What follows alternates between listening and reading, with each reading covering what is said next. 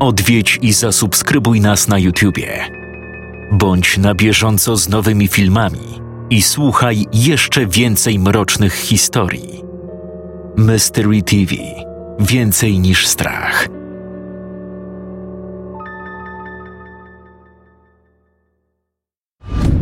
Dla wszystkich, którzy dopiero włączyli radio albo aplikację, ja nazywam się Robert Krzewo-Krzewiński, a wy słuchacie nocnego pasma w Radiu Trójmiasto. Zatrzymali się. Z samochodu wyszedł ten gość z czerwonym krawatem. Wygląda jakby czegoś szukał. Halo? Policja? Dodzwoniła się pani pod numer alarmowy 112. Nina, posłuchaj, najwyższy czas uciekać. Nie zbliżaj się do mnie, rozumiesz? Mam w torebce gaz pieprzowy. Nie podchodź do mnie, pomyleńcu! Przykro mi, dziecko, nie powinno cię dzisiaj tutaj być. Granica jest coraz cieńsza. Nie może tak być. Czarna wołga, mgła, zabłąkane staruszki, młoda dziewczyna i chłodna, długa noc. Może pomożesz Ninie ujść z życiem, zanim wstanie słońce, a gwiazdy znikną? Weź udział w grze podcastowej Dylemat, zrealizowanej przez Nadbałtyckie Centrum Kultury w Gdańsku. Uważaj na siebie.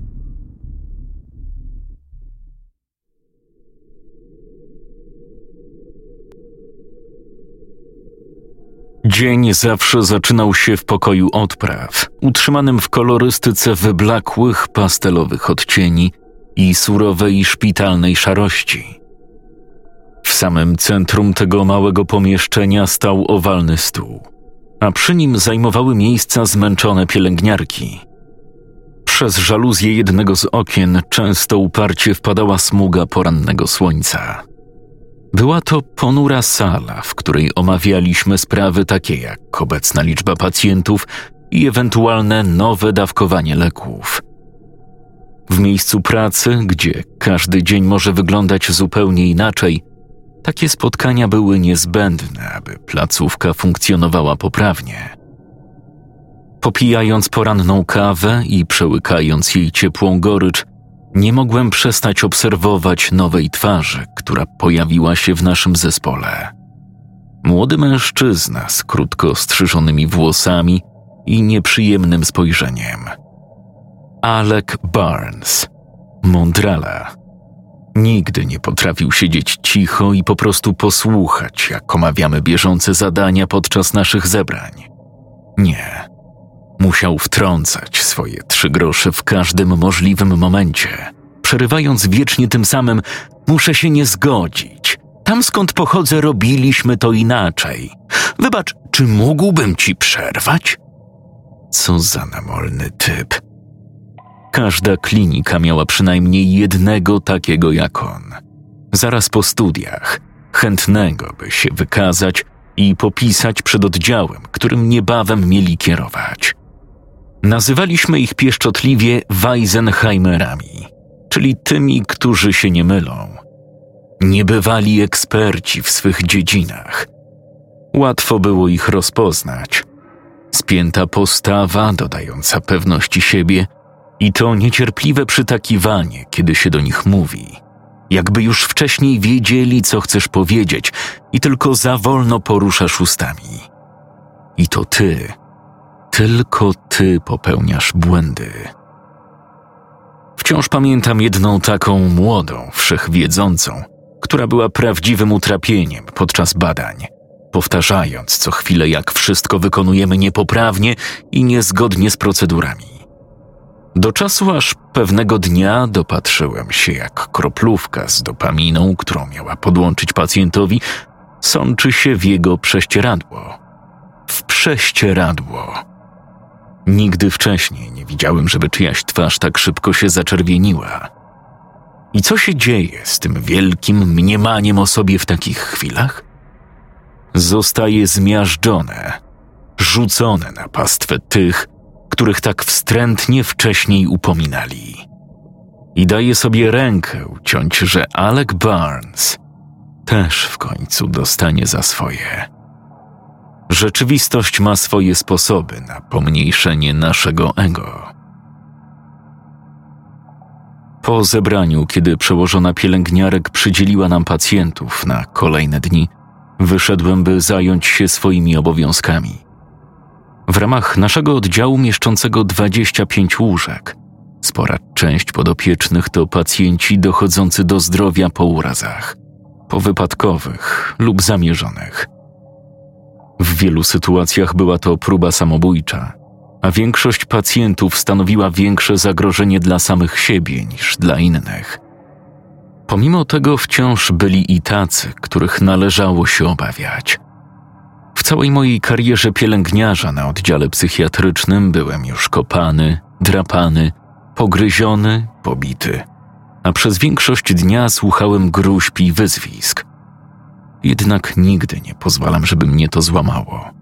Nieważne jak bardzo zostanę opluty czy obrzucony przekleństwami.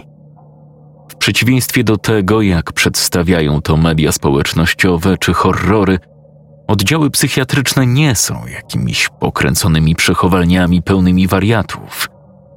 To miejsca leczenia i ulgi. Przystań dla fizycznie zdrowych, lecz wewnętrznie udręczonych. Owszem, niektórzy kopali i wrzeszczeli na korytarzach, póki nie stracili głosu. Jednak większość z nich tłumiła w sobie cichy, niezauważalny ból. Właśnie po to się tam znalazłem. Chciałem pomóc złagodzić ich ogromny niepokój o przyszłość. A jeśli chodzi o ostatnio przybyłego do nas pacjenta, Roland Bowl miał stać się moim kolejnym dużym wyzwaniem. W noc, kiedy go przywieźli, padał deszcz. Obserwowałem, jak jest przewożony na noszach. Widziałem jego zimną twarz ociekającą kroplami wody. W oczach można było dostrzec chwilowe przebłyski świadomości. Jednak prawdopodobnie ledwo kojarzył, co się wokół niego dzieje. Przez moment nasze spojrzenia spotkały się, zanim szybko został zabrany na oddział intensywnej terapii. Dziesięć spinaczy do papieru, osiem szklanych kulek i pięć gwoździ. To były przedmioty usunięte z żołądka pana Bowla. Zdiagnozowano u niego zespół pika, zaburzenie, w którym chory odczuwa nieodparte pragnienie zjedzenia przedmiotów niejadalnych. Jednak tak ciężki przypadek zdarzał się wyjątkowo rzadko. Jakby tego było mało. U pacjenta stwierdzono również współistnienie depresji, ciężkich zaburzeń lękowych i zespołu stresu pourazowego. Mimo całego mojego doświadczenia w pracy na psychiatrii, nie mogłem pozbyć się uczucia, że na takiego podopiecznego jestem w dużym stopniu nieprzygotowany. Gdybym tylko wiedział choć odrobinę więcej. Przystanąłem pod salą pana Bowla. Jeszcze raz przejrzałem notatki i ostrożnie wszedłem do środka. Pokój przypominał sypialnię w akademiku, z jednym tylko oknem ukazującym widok na parking. Pan Bowl nie spał. Siedział skulony przy swoim biurku. Burza zwisających, strączkujących się włosów zakrywała mu twarz. Nogi trzymał skrzyżowane w kostkach – Obie sznurówki zostały wcześniej usunięte z butów. Z wielkim zapałem uzupełniał właśnie krzyżówkę jednym z naszych gumowych długopisów. Zapukałem cicho w drzwi. Wtedy odwrócił się w moją stronę. Dzień dobry, panie Bowl. Posłałem mu uśmiech i przedstawiłem się. Jak się pan dziś czuje? Spod gęstwiny włosów spoglądała na mnie chuda twarz z wyrazem, który mógłbym określić jako nie ma obojętność. Oczy szeroko otwarte, lecz zupełnie nieskupione.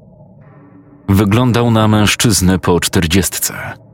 Od podbródka aż do wysokości policzków jego twarz pokrywały blizny. Pewnie samo okaleczenie. Od razu przyszło mi to do głowy. Kontynuowałem przywitanie. Mam na imię Jason. Pracuję jako pielęgniarz i jestem tu, żeby zapewnić panu komfort i sprawić, żeby dobrze się pan czuł przez cały czas, który z nami pan spędzi. Czy mogę teraz w czymś pomóc? Jego załzawione oczy przesuwały się z góry na dół, próbując odczytać moje zamiary. Tak samo jak ja próbowałem przejrzeć jego. Potem ściągnął usta w szeroki uśmiech, który powykrzywiał bliznę. Masz palce pianisty. Słucham? Zapytałem nieco zbity z tropu tym stwierdzeniem. Uniósł dłonie i zgiął palce. Palce pianisty. Mój ojciec też takie miał. Cały czas grał w swoim gabinecie. Zazwyczaj gimnopedii, czasem Chopina. Umiesz grać? Pomijając ponury wygląd, za jego głosem kryła się nutka wesołości. Ani trochę.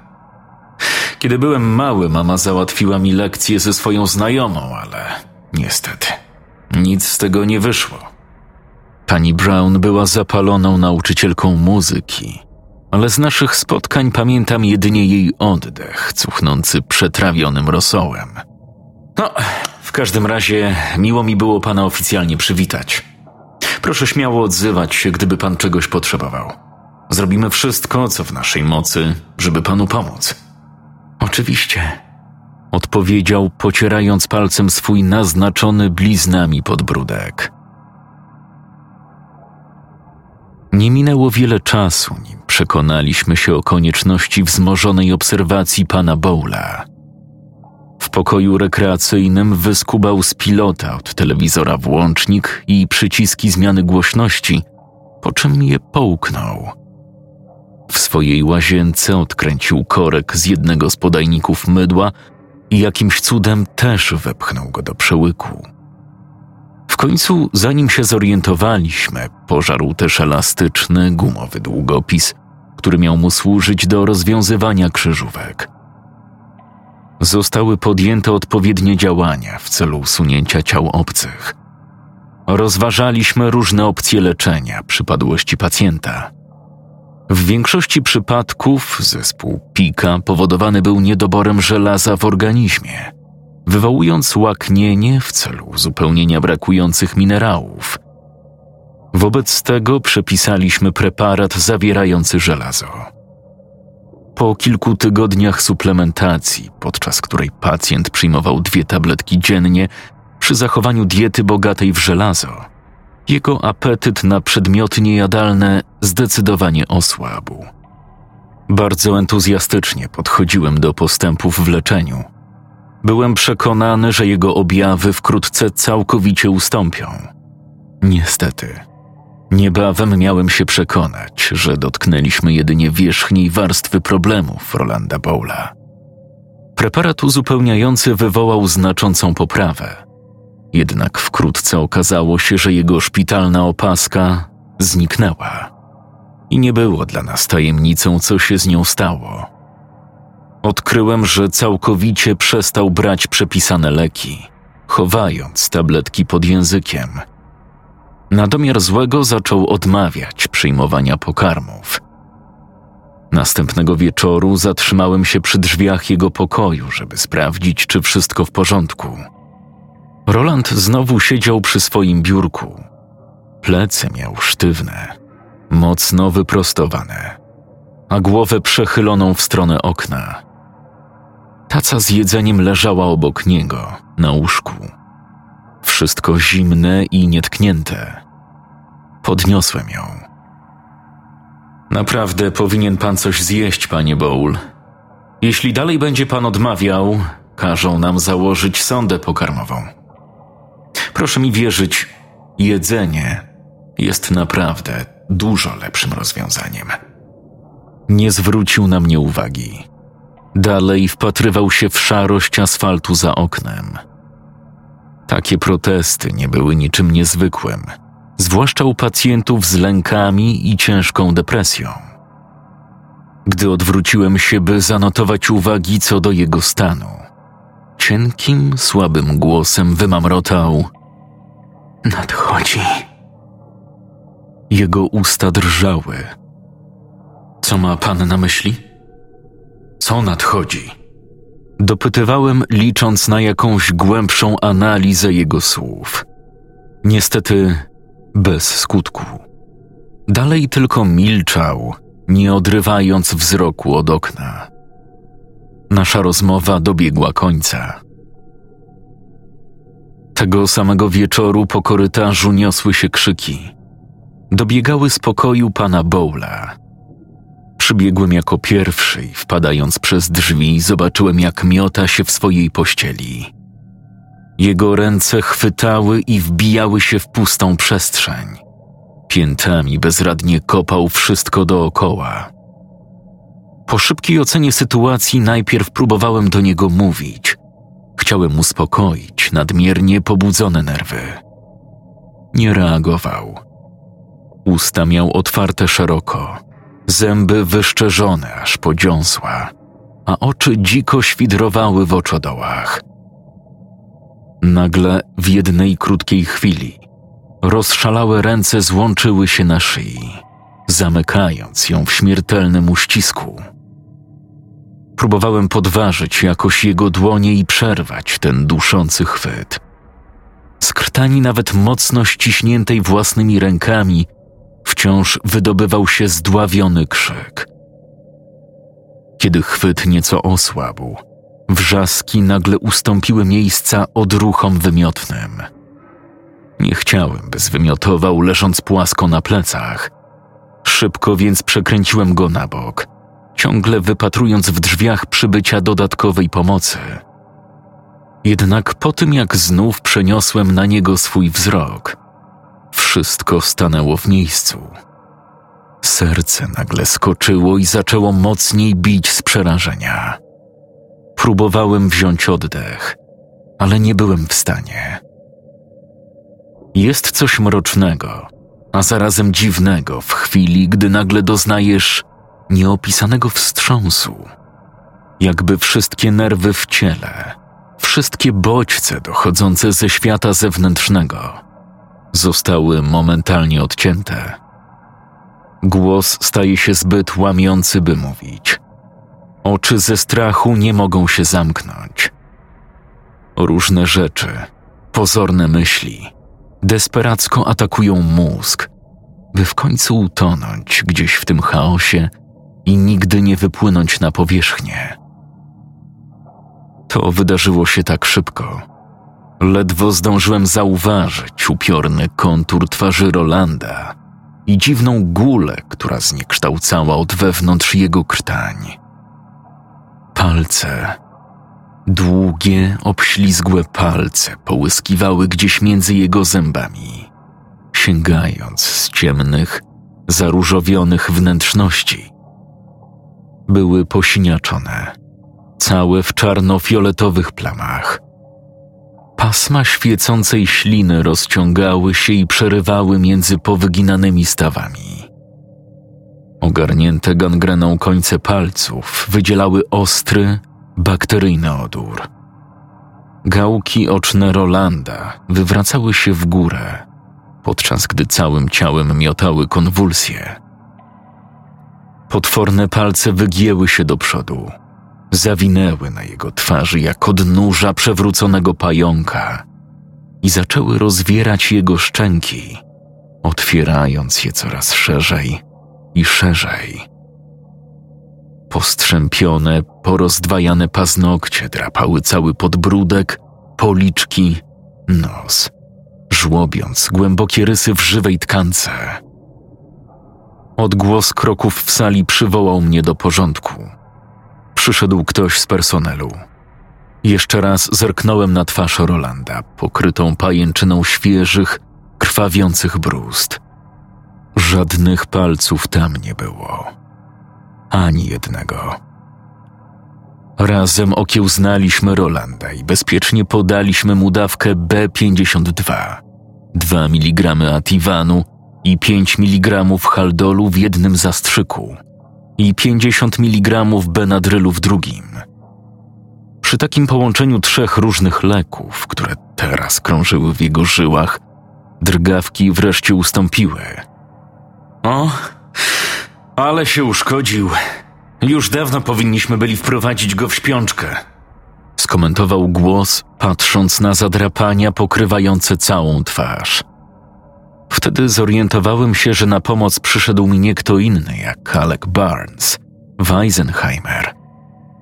Cokolwiek padło z jego ust później, nie doszło już moich uszu.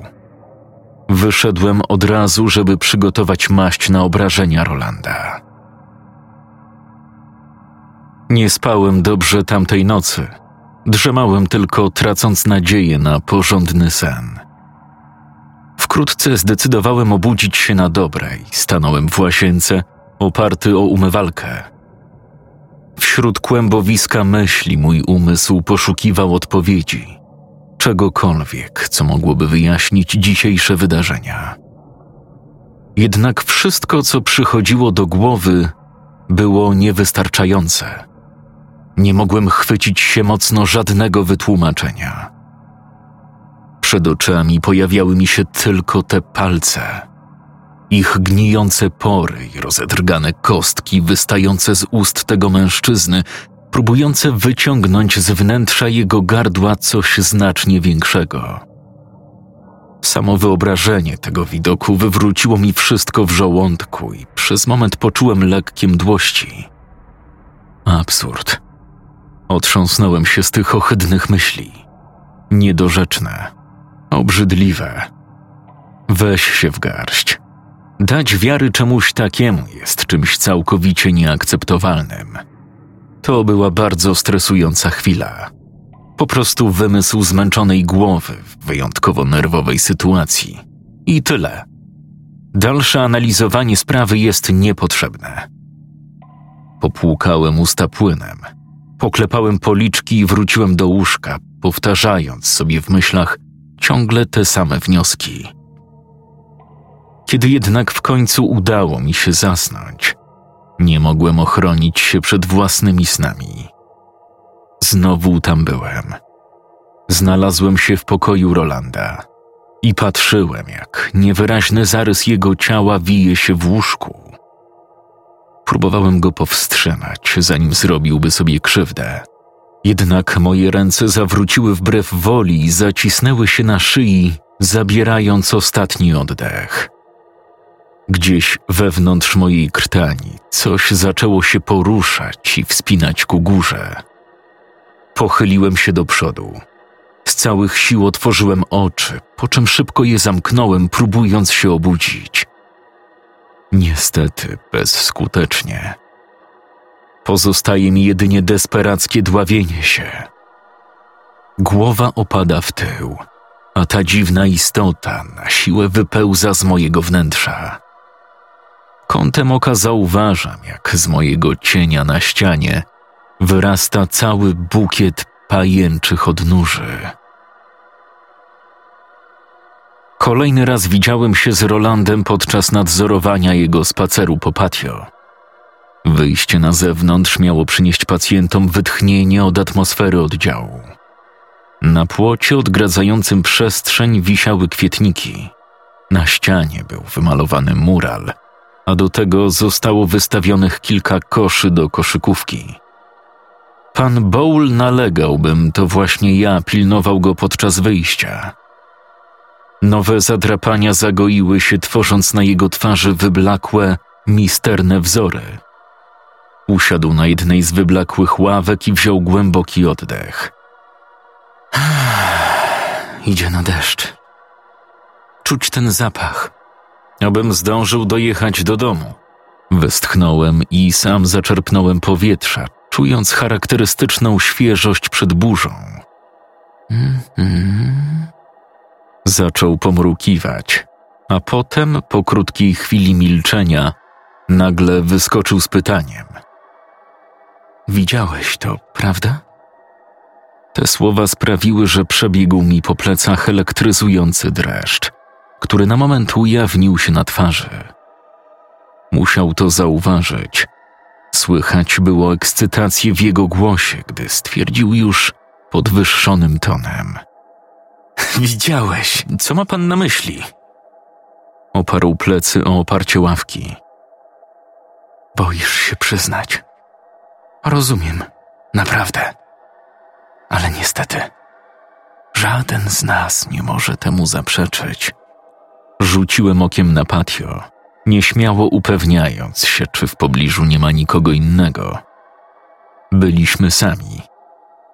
Proszę powiedzieć, o co konkretnie chodzi, bo chyba nie bardzo rozumiem. Utkwił we mnie swoje zmęczone, załzawione oczy. Musiałem zaczekać, aż sam to zobaczysz. Inaczej nigdy byś mi nie uwierzył. Jestem tego pewny. Potem rozciągnął w uśmiechu swoje popękane usta. Ale jeśli teraz mnie nie posłuchasz, nie dowiesz się, co widziałeś. I już zawsze będziesz się nad tym zastanawiać. Nie odpowiedziałem, lecz być może wyraz mojej twarzy dał mu do zrozumienia, że może kontynuować. Zaczęło się od lodu. Odezwał się, robiąc pauzę, jak gdyby jeszcze rozmyślał nad tym, co powiedzieć. Uwielbiałem jego teksturę. Uczucie miażdżenia między zębami na malutkie, trzaskające kawałeczki. To była jedna z niewielu rzeczy, które rozpraszały moje lęki. A kiedy to już nie wystarczało, zacząłem rzuć próbniki farb i przez dłuższy czas ssać monety. Widzisz, byłem dość znerwicowanym chłopcem. Przez sztachety płotu przedarł się podmuch wiatru, poruszając przy tym wiszącymi na nim kwiatami. Trzymając język między wargami, nerwowo je oblizywał. Dorastałem w bogatym domu z bogatymi rodzicami. Jedno z nich było najukochańsze pod słońcem, a drugie emocjonalnie powściągliwe. Zgadniesz, które z nich to ojciec, ha? Stereotypowy żywiciel rodziny, który uważał, że wsparcie finansowe, jakie zapewniał, było jedynym możliwym rodzajem więzi między nami.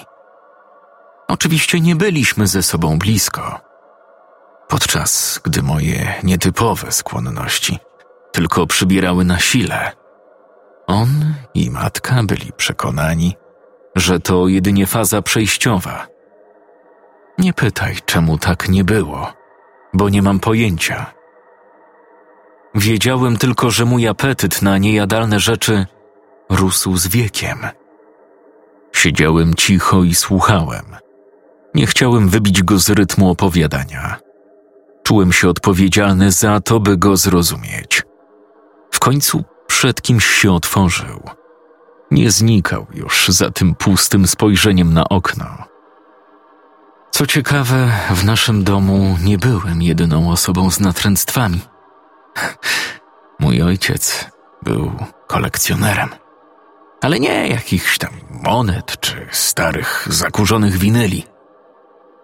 Gustował winnego typu rzeczach.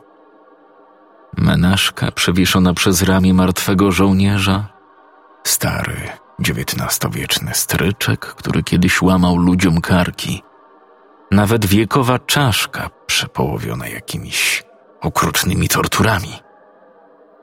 Właśnie takie przedmioty go interesowały, ku przerażeniu mojej matki. Uwielbiał poszukiwania tych małych okruchów zła nie wiem dokładnie skąd wziął swoje zabytkowe pianino, ale od czasu do czasu zdarzało mi się słyszeć w środku nocy uderzenia tych samych dwóch klawiszy. Tak więc pewnego dnia, kiedy on i matka wyjechali w podróż służbową, zakradłem się do gabinetu, żeby popatrzeć sobie na jego prywatną kolekcję – Jeden przedmiot szczególnie przykuł moją uwagę. Był to pierścionek, którego właścicielka już nie żyła. Podobno to właśnie ta biżuteria sprowadziła na nią klątwę przedwczesnej śmierci. Ciągnęło mnie do niego. To był impuls, który ogarnął mnie całkowicie i sprawił, że uwierzyłem, że był mój, że należał do mnie. Więc Połknąłem go. Tamtej nocy bardzo się bałem. Byłem przerażony, że ojciec wróci i zauważy brakujący element kolekcji. Następnego wieczoru pierścień opuścił moje ciało. Wyczyściłem go z resztek kału bardzo dokładnie i odniosłem na miejsce w nienaruszonym stanie. Ojciec o niczym się nie dowiedział. Wkrótce zrobiłem to ponownie. Tym razem z kością czarnego kota, używaną do jakichś zaklęć czarownicy. To zaczynało przypominać mi jakąś grę, ale niedługo zmieniło się w nasz rytuał. On przynosił coś do domu, ja to połykałem, czasem nawet tylko kawałek. Oczyszczałem z krwi stolca i odstawiałem na miejsce. jasne, jasne, było przy tym trochę bólu. Czasem coś się gdzieś odbarwiło, ale nigdy do tego stopnia, żeby się zorientował. Było mi z tym dobrze. Ba, nawet niebiańsko dobrze. Ojciec i ja w końcu mieliśmy ze sobą coś wspólnego. Obaj podzielaliśmy zamiłowanie do przedmiotów. Gdy przyszedł czas, bym się wyprowadził i zaczął żyć własnym życiem, musiałem skończyć z naszą małą grą. Ojciec nigdy nie dowiedział się, co wyczyniam z jego kolekcją i nie chciałem tego zmieniać. Udało mi się, albo przynajmniej tak myślałem. W końcu się od tego odzwyczaić. Ale z biegiem czasu zacząłem mieć dziwne myśli na temat tych wszystkich przeklętych, nawiedzonych rzeczy. Trzymając je w rękach po tym, jak przeszły przez moje ciało, wydawały się jakieś inne. Tak jakby energia, która je przepełniała, ulotniła się, jakby została gdzieś wewnątrz mnie. A co jeśli cała ta energia, albo cokolwiek miały te przedmioty, zostało we mnie i fermentowało przez lata, aż przerodziło się w coś innego? W coś, co w końcu zechciało wyjść? Zaczął pocierać klatkę piersiową swoją bladą dłonią. Dopiero kiedy sam zamilkł, przerwałem ciszę. Co pan dokładnie ma na myśli, mówiąc, że to coś chce wyjść? Momentalnie powróciło jego mgliste spojrzenie. Chciałbym już wrócić do środka. To była ostatnia i najdłuższa rozmowa, jaką kiedykolwiek przeprowadziliśmy. Tamtego dnia więcej już się nie odezwał. Próbowałem jakoś odwrócić myśli od jego wyznań. To było dla mnie zbyt wiele. Przez resztę dnia czułem się na oddziale bardzo nieswojo. Tak jakby ktoś zrzucił na mnie miażdżący ciężar. Jakby coś czaiło się nieopodal mnie i szykowało do skoku. A ja mogłem tylko przygotować się na niewidzialny atak.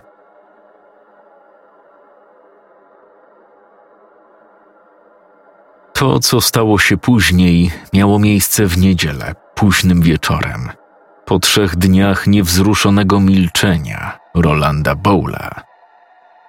Robiłem właśnie swój zwyczajowy obchód po oddziale i zatrzymałem się przy jego sali, żeby sprawdzić, jak się trzyma.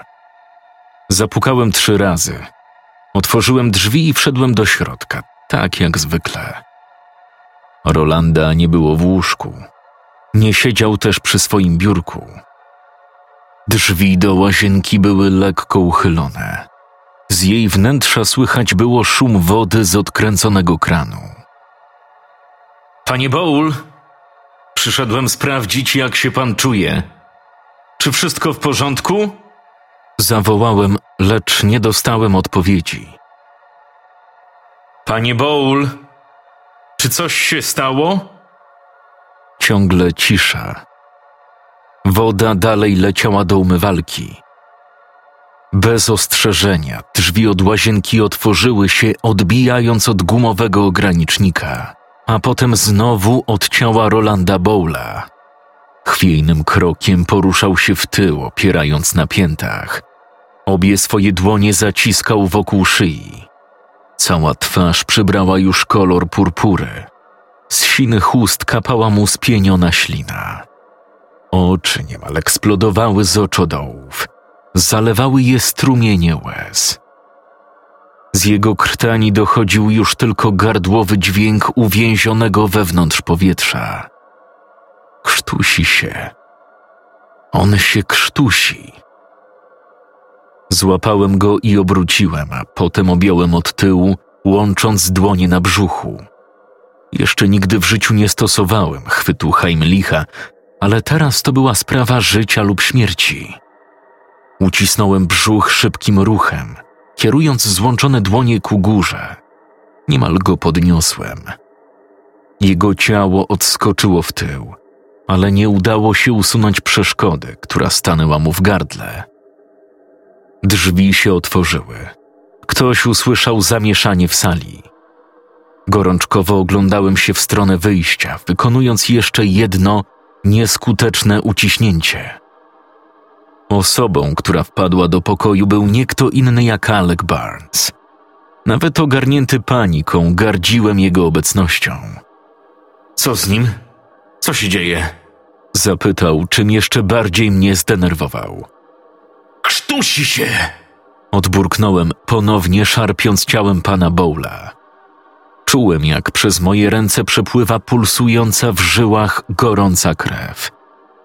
W tym samym momencie, obejmując go mocno w pasie, poczułem coś niezwykłego. Wyraźne przesunięcie narządów. Jakby nagłe coś spadło wewnątrz jego ciała. Zbyt wyraźny ruch, żeby go nie zauważyć. Weisenheimer podszedł do mnie z boku, mówiąc: Daj mi to zrobić. Ja potrafię. Daję radę. Syknąłem, podrzucając po raz kolejny ciało pana Bowla. Mocniej niż myślałem, że kiedykolwiek dam radę. Jego klatka piersiowa falowała, gdy coraz mocniej wypychałem z niej resztki powietrza. Po rękach strumieniami spływała mi jego ślina. Potem opadł z sił i przechylił się do przodu. Miałem uczucie, jakby wszystkie jego wnętrzności uległy dekompresji w jednym momencie. Jakby w środku pękł jakiś hermetyczny zbiornik. Drogi oddechowe zostały odblokowane i wydarł się z niego zapłakany skowyt bólu. Obok nas Alek krzyknął chyba: O Boże! Dobry Boże! Coś ciężkiego spadło na podłogę. Roland Bowl opadł bezwładnie w moim uścisku. Alec Barnes znów zaczął wrzeszczeć. Coś dziwnego przemknęło przez pokój, wydając przy tym odgłosy wyjętej z wody, rzucającej się o pomost ryby. A potem usłyszeliśmy przedzieranie się przez ścianę. Moje oczy szalały dookoła ale natłok tego wszystkiego, co się stało, sprawił, że z mózgu dosłownie odpłynęła mi krew i przestał poprawnie przetwarzać informacje. Spojrzałem na Rolanda, który wydawał się być teraz ludzką kukłą zwisającą na moich przedramionach. Nie było z nim kontaktu. Jego otwarte oczy wpatrywały się obojętnie przed siebie. Usta pozostały rozchylone Sprawdziłem puls. Nie wyczułem bicia serca. Położyłem go na podłodze. Ułożyłem dłonie na jego klatce piersiowej i uciskałem, dopóki nie rozbolały mnie nadgarstki. Potem zatkałem mu nos i zrobiłem wdech prosto w usta. Nie zadziałało. Kiedy reanimowałem go dalej, próbowałem podążać wzrokiem za cienkim pasmem krwi i żółci, który brał początek z jego ciała. Najpierw spojrzałem w stronę łazienki, a potem skupiłem wzrok na umywalce, przy której znajdował się otwór wentylacyjny. Teraz zamykająca go kratka była częściowo oderwana z prawej strony. Alec Barnes zastygł w miejscu. Przerażenie, które zawładnęło jego twarzą, było niemal zbyt przejmujące, by mogło być prawdziwe. I nawet po tym, jak na miejsce przybyło więcej osób, on stał tam dalej, sparaliżowany ze strachu.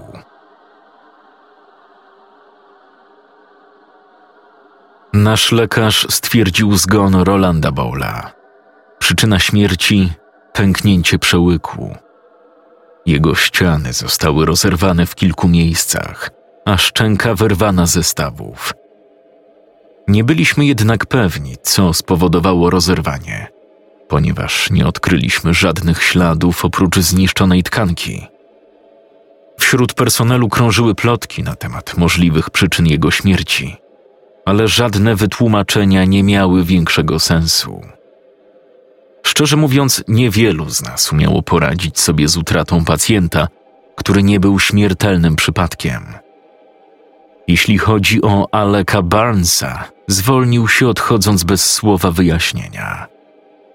Próbowałem wydobyć z niego cokolwiek na temat tamtego zdarzenia, ale unikał odpowiedzi. Kręcił głową. Ciągle powtarzał, że nic nie zobaczył i koniec.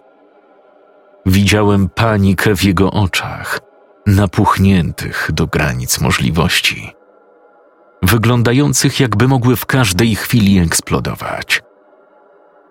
Z jego poczucia wyższości nie pozostało zupełnie nic.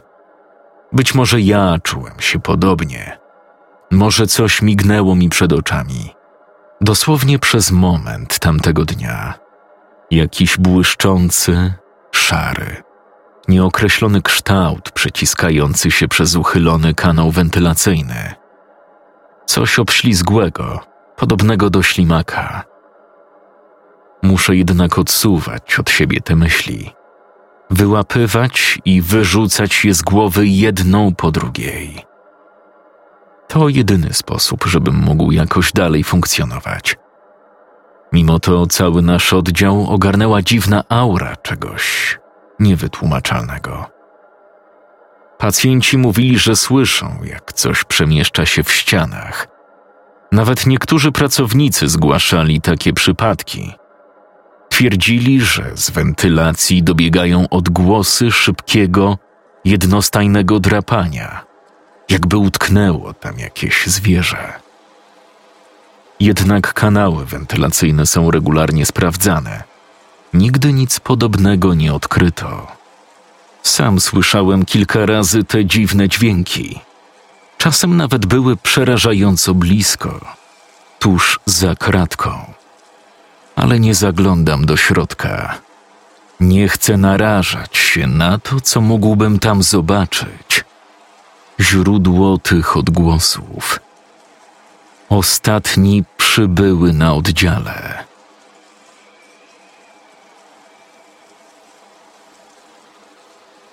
Scenariusz Michael Page. Tłumaczenie Aleksandra Rudka. Czytał Jakub Rudka.